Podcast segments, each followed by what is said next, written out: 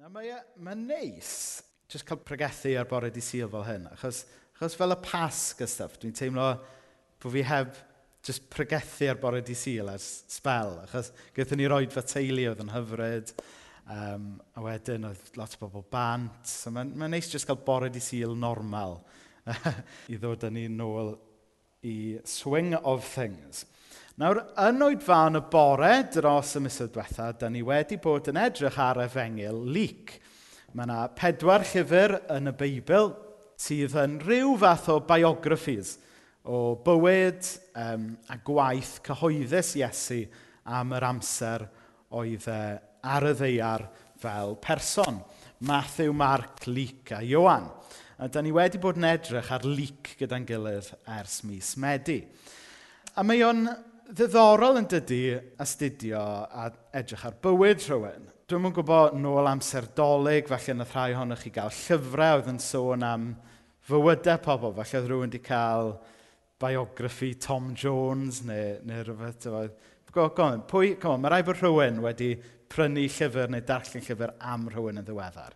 Dwi'n mynd yn felly tan dwi'n cael enghraifft. Come on.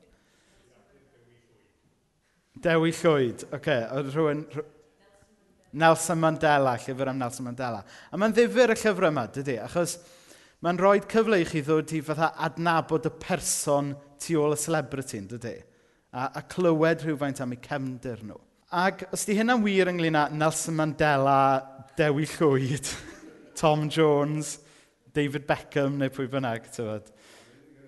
Billy Graham, ie, yeah, wrth gwrs, pregethwr enwog fi oedd farw yn ddiweddar. Ac, ac os ydy bwysig i ni ddod i adnabod y person tu ôl y celebrity ynglyn â'r bobl yna, wel mae o hyd yn oed fwy pwysig ynglyn â Iesu, dydy. Da ni gyd wedi clywed am Iesu. Da ni gyd wedi clywed am Iesu yn yr ysgol, falle yn yr ysgol sil. Mae, mae Iesu yn rhywun sydd wedi bod o gwmpas yn bywyd ni, trwy yn bywyd falle. Hyd yn oed os ych chi ddim di arfer mynd i capel, mae Iesu Grist jyst yn rhywun pwysig mewn hanes yn dydy. Ac felly mae'r efengylau Matthew, Mark, Luc a Iowan yn helpu ni ddod i adnabod y person tu ôl yr enw. A gobeithio dros y misoedd diwetha a'r misoedd i ddod, bod ni'n mynd i weld sut mae stori Iesu yn plethu mewn i'n stori ni. Sut oedd yr hyn nath Iesu ddysgu a gwneud yn berthnasol i ni. So, da ni wedi cyrraedd lle yn yr hanes yn penod chwech lle mae Iesu yn dysgu, yn pregethu. Ac pan oedd Iesu yn dysgu a pregethu, oedd e'n defnyddio be maen nhw'n galw'n damhegion, rhyw, rhyw fath o storis, er mwyn dysgu rhyw wirionedd pwysig. Ac fan hyn, yn lyc penod 6, adnod 46 i 49, i ni'n cael hanes dameg y tŷ a'r ddau sylfaen. Pam dych chi'n fy ngalw i'n arglwydd? Ac eto, ddim yn gwneud beth dwi'n ei ddweud. Gwna i ddangos i chi sut bobl ydy'r rhai sy'n gwrando arna i ac yn gwneud beth dwi'n ei ddweud. Maen nhw fel dyn sy'n mynd ati i adeiladu tŷ ac yn tyllu'n ddofn i wneud yn siŵr fod y sylfaeni ar graig solet. Pan ddaw llifogydd a llif y dŵr yn taro yn erbyn y tŷ hwnnw, bydd yn sefyll am ei fod wedi adeiladu'n dda. Ond mae rhai sy'n gwrando arna i heb wneud beth dwi'n ei ddweud yn debyg i ddyn sy'n adeiladu tŷ heb osod sylfaen gadarn iddo. Pan fydd llif y dŵr yn taro yn erbyn y tŷ hwnnw, bydd yn syrthio'n syth ac yn cael ei ddinistrio yn llwyr. Nawr mae hwn yn un o ddamhegion mwyaf cyfarwydd y Beibl. Os oes yna rhai pobl yma gath i magu yn yr ysgol sil, falle bod chi'n cofio dysgu'r stori yma pan o'ch chi'n blant.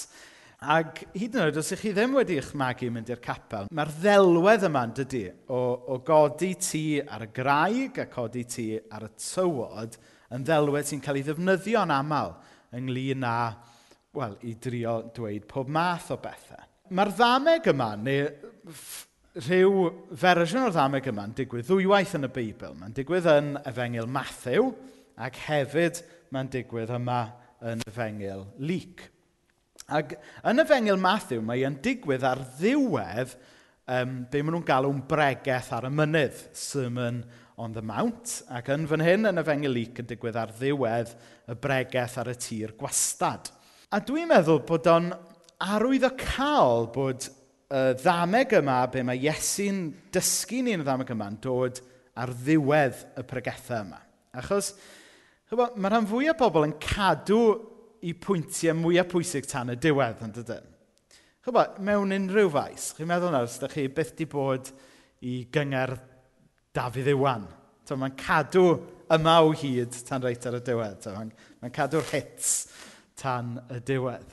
A, a pan, ma, pan fe, i chi fech yn ffarwelio ag aelod o'r teulu, rhai pobl ifanc yma dwi'n gwybod wedi uh, mynd nôl i'r brifysgol pan wythnos yma. Falle chi'n bod y rhieni yn dewis i geiriau olaf cyn bod nhw'n mynd ar y tren yn ofalus. Achos mae'r geiriau ola'n rhywbeth sydd yn bwysig ac yn creu argraff. So mae'n arwydd o cael bod Iesu yn cadw y ddameg yma ar hyn mae'n dysgu fan hyn tan y diwedd. Achos bod rhywbeth sylfaenol no pun intended.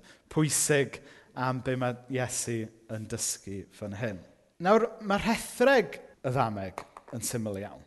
Mae gyda chi dyn yn codi tŷ mewn un lle, a dyn arall yn codi tŷ mewn lle arall. Mae storm yn dod, mae un tŷ yn sefyll, a mae un tŷ yn syrthio. A mae effaith y storm ar y tai yn dibynnu ar le maen nhw a beth yw eu sylfaen nhw. So mae Ma, ma, ma Mae hwnna'n hawdd iawn i ddeall yn dydy. Mae, mae Iesu yn glyfar iawn yn defnyddio stori syml i ddysgu gwirionedd pwysig. Y gwahaniaeth rhwng y ddameg yn efengil Matthew ac efengil Lyc yw hyn. Yn Matthew, mae sôn bod un tŷ ar y graig ac un tŷ ar y tywod – Ond yn Luke, mae fel bod mae'r ddau di yn yr un lle, ond y gwahaniaeth yw y sylfaen. So mae yna dau fel variable gwahanol fel petai. Mae un i'n neud â lle mae ma fe, a mae yn Luke, mae yn yr un lle, ond mae ei wneud â y sylfaen. A dwi'n meddwl bod yna wirionedd pwysig yn cael ei ddysgu yn y fersiwn yma yn efengil Luke. Achos mae'r ddau fi'n yn codi ti yn yr union un lle, ond mewn ffordd wahanol. Pan i chi meddwl ynglyn â'r ffydd grisnogol, okay? meddwl ynglyn â Iesu, pan i chi meddwl am roed eich ffydd yn Iesu, pan i chi meddwl am ddilyn Iesu, dyw eich lleoliad chi ddim yn newid, nag yw e? Dwedwch nawr, meddyliwch chi, rhai ohonoch chi yma sydd, sydd yn dweud bod chi yn dilyn Iesu. Oeddech chi probably yn byw yn yr union un lle y diwrnod cyn i chi benderfynu dilyn Iesu a'r diwrnod ar ôl i chi ddilyn Iesu. Pan o'n i'n iau a gwneud y penderfyniad mod i yn credu a mod i am ddilyn Iesu. O'n i'n byw yn Aberystwyth, diwrnod cyn hynny, a diwrnod ar ôl hynny. O'n i dal yn byw yn Aberystwyth. Oedd y lleoliad ddim wedi newid. Beth oedd wedi newid oedd y sylfaen. A dwi'n meddwl bod hwnna yn bwysig i ni feddwl amdano. Dydy yn lleoliad yn situation i ni ynddo fe ddim yn newid dros nos. Falle bod rhai ohonoch chi yn mynd trwy bethau anodd ar hyn o bryd. Falle bod salwch falle yn effeithio arnoch chi. Falle bod rhyw bryder arall, rhyw sefyllfa yn y gwaith neu rhyw sefyllfa yn y teulu falle yn gwneud pethau'n anodd ar hyn o bryd. A, a felly wrth meddwl, o, na, na i jyst trystio'n Iesu a bydd y cyfan yn newid dros nos. Wel, dwi e ddim cwyt yn digwydd fel yna. Mae'n sefyllfa ni a mae lle i ni rhywun peth siwr o fod erbyn fori. Ond beth sy'n gallu newid yw y sylfaen i ni ynddo. A mae hwnna yn newid popeth. A chybod, yn y byd modern sydd ohoni, dim lot ohono ni gyda profiad o adeiladu tai. Nawr, oes rhywun yma wedi adeiladu i di hun? Na? O, na ni, mae yna rai, oce. Okay. Gewch chi ddeud ar y diwedd os... os... O, na ni, wel, na ni, wel. Wel, gewch chi ddeud ar y diwedd os dwi'n stretcho'r ddalwedd yma normodol neu beidio. Ond yn gyffredinol, dydyn ni ddim yn bobl sy'n adeiladu yn tai yn hunain. Na, da ni yn prynu tŷ sydd wedi adeiladu'n barod, neu chyfo, mae yna gwmni, gwmni adeiladu wedi adeiladu y tŷ. Felly, o ganlyniad, mae, mae lot o be mae'r ddelwedd yma, y, y ddameg yma'n dysgu ni, sort of ddim yn ei sens i ni yn yn oes iddo honni. Ond yng nghyfnod Iesu, oedd rhan fwyaf o bobl yn gorfod codi i ti hunain, neu o leia oedd na beth gwaith yn involved yn codi ti i hunain. Ac yng nghyfnod Iesu, yn, yn byd y Beibl yn Israel a Palestina, oedd y tir yn yr haf yn mynd yn galed, galed, galed. Oedd fel rhan fwy o'r prif yn y rhan yma o'r byd, oedd e'n, oedd e'n brydd cleidiog. Yn yr Hen Testament, mae'n sôn bod, bod y pridd yn yr haf yn mynd mor galed ag efydd. Bod y pridd yn mynd yn galed, galed. Ac amser yna, doedd dim JCBs, doedd dim mini diggers, doedd dim power tools, oedd jyst bôn braich oedd yn golygu bod rhaid i chi dorri mewn i'r pridd caled yma. Ac yn misoedd yr haf, oherwydd bod y pridd yma'n mynd mor galed, oedd e'n arwen pobl mewn i ryw false sense of security. Achos o'n nhw'n mynd lawr falle troedfedd neu ddau, a meddwl, reit, beth, siwr o fod yn mynd lawr digon pech fan hyn, mae'r ma tir yma, mae'r pridd yma'n galed, mae hwn ddigon solid. Ond wrth gwrs, oedd y geiaf yn dod. A wedyn oedd y pridd cleidiog yma, oedd, yn mynd, oedd wedi mynd yn galed-galed yn yr haf, yn troi mewn i slwdge yn y gaeaf. Yn debyg iawn i erddi lot ohono ni. Hynny yw, oedd cymryd y shortcut yn yr haf o beidio cloddio lawr digon pell yn arwain i lanast yn y gaeaf pan oedd y storm yn dod. A bod weithiau, da ni yn gallu gwneud yr un camgymeriad gyda'n bywydau yn dydyn. Da ni felly yn gallu cymryd yr easy option. Bod ni'n meddwl, o, na ni, na i adeiladu y mywyd ar hyn. Os na i jyst cael y job yna fydd yn talu hynna. Os na i jyst cael y tŷ bach twt yna. Os na i jyst cael un plentyn arall, felly mae, bydd hwnna, bydd y sylfaeni i gyd mewn lle. Mae'r pethau yna i gyd yn bethau da. Tyfod, dwi, mae gennau i di neis, mae gennau job dwi'n licio, a mae gennau blentyn hyfryd. Mae'r pethau yna i gyd yn iawn yn ei lle. Ond be mae'r ddameg yma'n dysgu ni ydy, i ni cario ymlaen i gloddio ac i ni syddoli mae y gwir sylfaen sy'n mynd i ddal pan mae'r storm yn hitio'n yn bywydau ni, ydy actually Iesu Grist i hun. A mae e mor hawdd i ni adlad i'n bywydau ar bethau eraill yn dydy. Mae'r opsiynau arall yn hawdd, yn haws. Ond mae Iesu'n dweithio ni, na, mae eisiau chi adlad i'ch bywyd arno fi. Iesu Grist ydy'r sylfaen sy'n mynd i gadw ni ar yn traed pa mae stormydd bywyd yn hitio. A dwi'n nabod rhan fwy ohonoch chi. A dwi'n gwybod bod stormydd bywyd wedi chitio chi. Dyna reality bywyd, yn tyfe? Dyna di reality byw yn y byd yma sy'n rhywbeth yn bod arno fe. A mae'r ddameg yma'n atgoffa ni i adeiladu yn bywyd ar Iesu Grist sydd yn rhoi sylfaen go iawn. Rhywbeth arall mae'r ddameg yma'n dysgu ni yw y rhybydd yna i ni osod yn sylfaen ar Iesu pan mae dyddiau yn dda. Nid aros tan bod y storm yn hitio. Mae yna strydeb yn does. You'll never find an atheist on a sinking ship. Chyfod, pan mae rhyw argyfwng yn hitio, mae pawb yn ffindio hunan yn gweddiol all the sudden. A falle bod, bod ni, gan gynnwys y gweinidog fe yma, neuog o wneud hynna. Pan mae bywyd yn hawdd, falle anhofio am ddew, anhofio am Iesu. Ond pan mae pethau mynd yn anodd, o the sydyn wedyn troi at Iesu. A chybod, mae Iesu'n hapus i ni droi ato fe unrhyw bryd.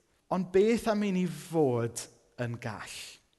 a troi a bildio'n sylfaen ar Iesu pa mae cyfle gyda ni, pa mae bywyd yn haws. A wedyn pan mae bywyd yn mynd yn anodd, yna mae'r sylfaen yna yn barod yn dydy. Mae Iesu wrth gwrs yn hapus i ni droi ato fe unrhyw bryd. Ond dim un diwrnod yn well na heddiw i ni droi at Iesu a gosod y sylfaen yna i lawr, gosod yr angor yna i lawr. Ac os yw bywyd yn, yn hawdd i chi ar hyn o bryd, os ydych chi'n teimlo bendith mewn bywyd ar hyn o bryd, gret, clod i ddew, gosodwch y sylfaen yna lawr, nawr gyda Iesu. A wedyn pam fydd pethau anodd yn codi mewn bywyd, a mae pethau anodd yn codi mewn bywyd, da ni gyd yn gwybod hynna, yna bydd y sylfaen wedi i osod yn Iesu Grist. Mae profiadau bywyd yn mynd a dod yn dydyn. Dwi wedi cael wythnos by my standards eitha anodd. Dwi wedi cael dau ddwrnod lle dwi wedi deffro gyda meigren reit wael. Dwi'n cadog ddim wedi cysgu'n ffantastig. Ac o'n i'n llanw wythnos diwetha, chyfod, a fi oedd y prif siaradwr a ddim hen i chydig bach. A wedyn, down to earth, nôl fan hyn yng Nghanarfon. a chyfod, a fi wedi teimlo chydig bach lawr. Ond be nath atgoffa fi oedd, pa mor bwysig yw e i ni beidio adeiladu'n ffydd ar ein teimladau ni. Chos mae'n teimladau ni yn gallu bod lan a lawr, yn dydy. Rhai diwrnodau ni'n teimlo'n gret, diwrnodau eraill ni'n teimlo yn rybys. Rhai diwrnodau mae pobl yn eich annog chi, diwrnodau arall mae pobl yn cael chi lawr. A mae'r ddameg yma jyst yn atgoffa ni, dylen ni beidio adeiladu yn ffydd yn arbennig ar yn teimladau ni. Mae teimladau'n mynd a dod. Pwy sydd ddim yn mynd a dod ydy Iesu. Mae Iesu yn ffyddlon, mae addewidion Iesu yn gyson, a mae Iesu yn sticio gyda ni trwy y drwg a'r da, trwy dyddiau o lawenydd a dyddiau anodd. A mae wythnos yma wedi atgoffa fi o hynna. A mae'r ddameg yma yn atgoffa ni i beidio adladu yn bywyd ar yn teimladau, ond i ni adladu yn bywyd ar Iesu Grist. A cyn i ni droi at y cymyn, mae yna hen emyn Cymraeg sydd yn atgoffa ni o hyn. Rhof yn rhoi y fan a fynwyf ar y sigledig bethau'r byd. Ysgwyd mai y tir o danaf, darnau'n cwmpo i lawr o hyd. Ond os caf yn rhoi i sengu, yn y dymystl fawr amchwith, ar dragwyddol graig yr oesoedd, dyma fan na siglabeth. Pwyso'r bore ar fy nheulu cochi'r rheini y prynhawn. Pwyso eilwaith a'r gyfeillion hwythau'n cochi'n fian iawn. Pwyso ar hawddfyd, hwnnw'n siglo, profi'n fian, newid byd. Pwyso ar Iesu, dyma gryfder, sydd yn dal y pwysau i gyd. A dyna mae'r ddameg yma yn dysgu ni. Dyma mae'r ddameg yma yn gwahodd ni i wneud. Ydy credu a trystio yn Iesu, yn be mae e wedi gwneud ar y groes yn delio gyda'n beiau a'n pechodau ni, ac hefyd yn ei atgyfodiad sydd yn rhoi bywyd newydd i ni. Dydy Iesu ddim yn addo bywyd hawdd, ond mae e'n addo cerdded efo ni trwy beth bynnag mae'r byd yma yn taflu ata ni. Ac wrth i ni droi at y cymyn, gawn ni blygu pen mewn gweddi.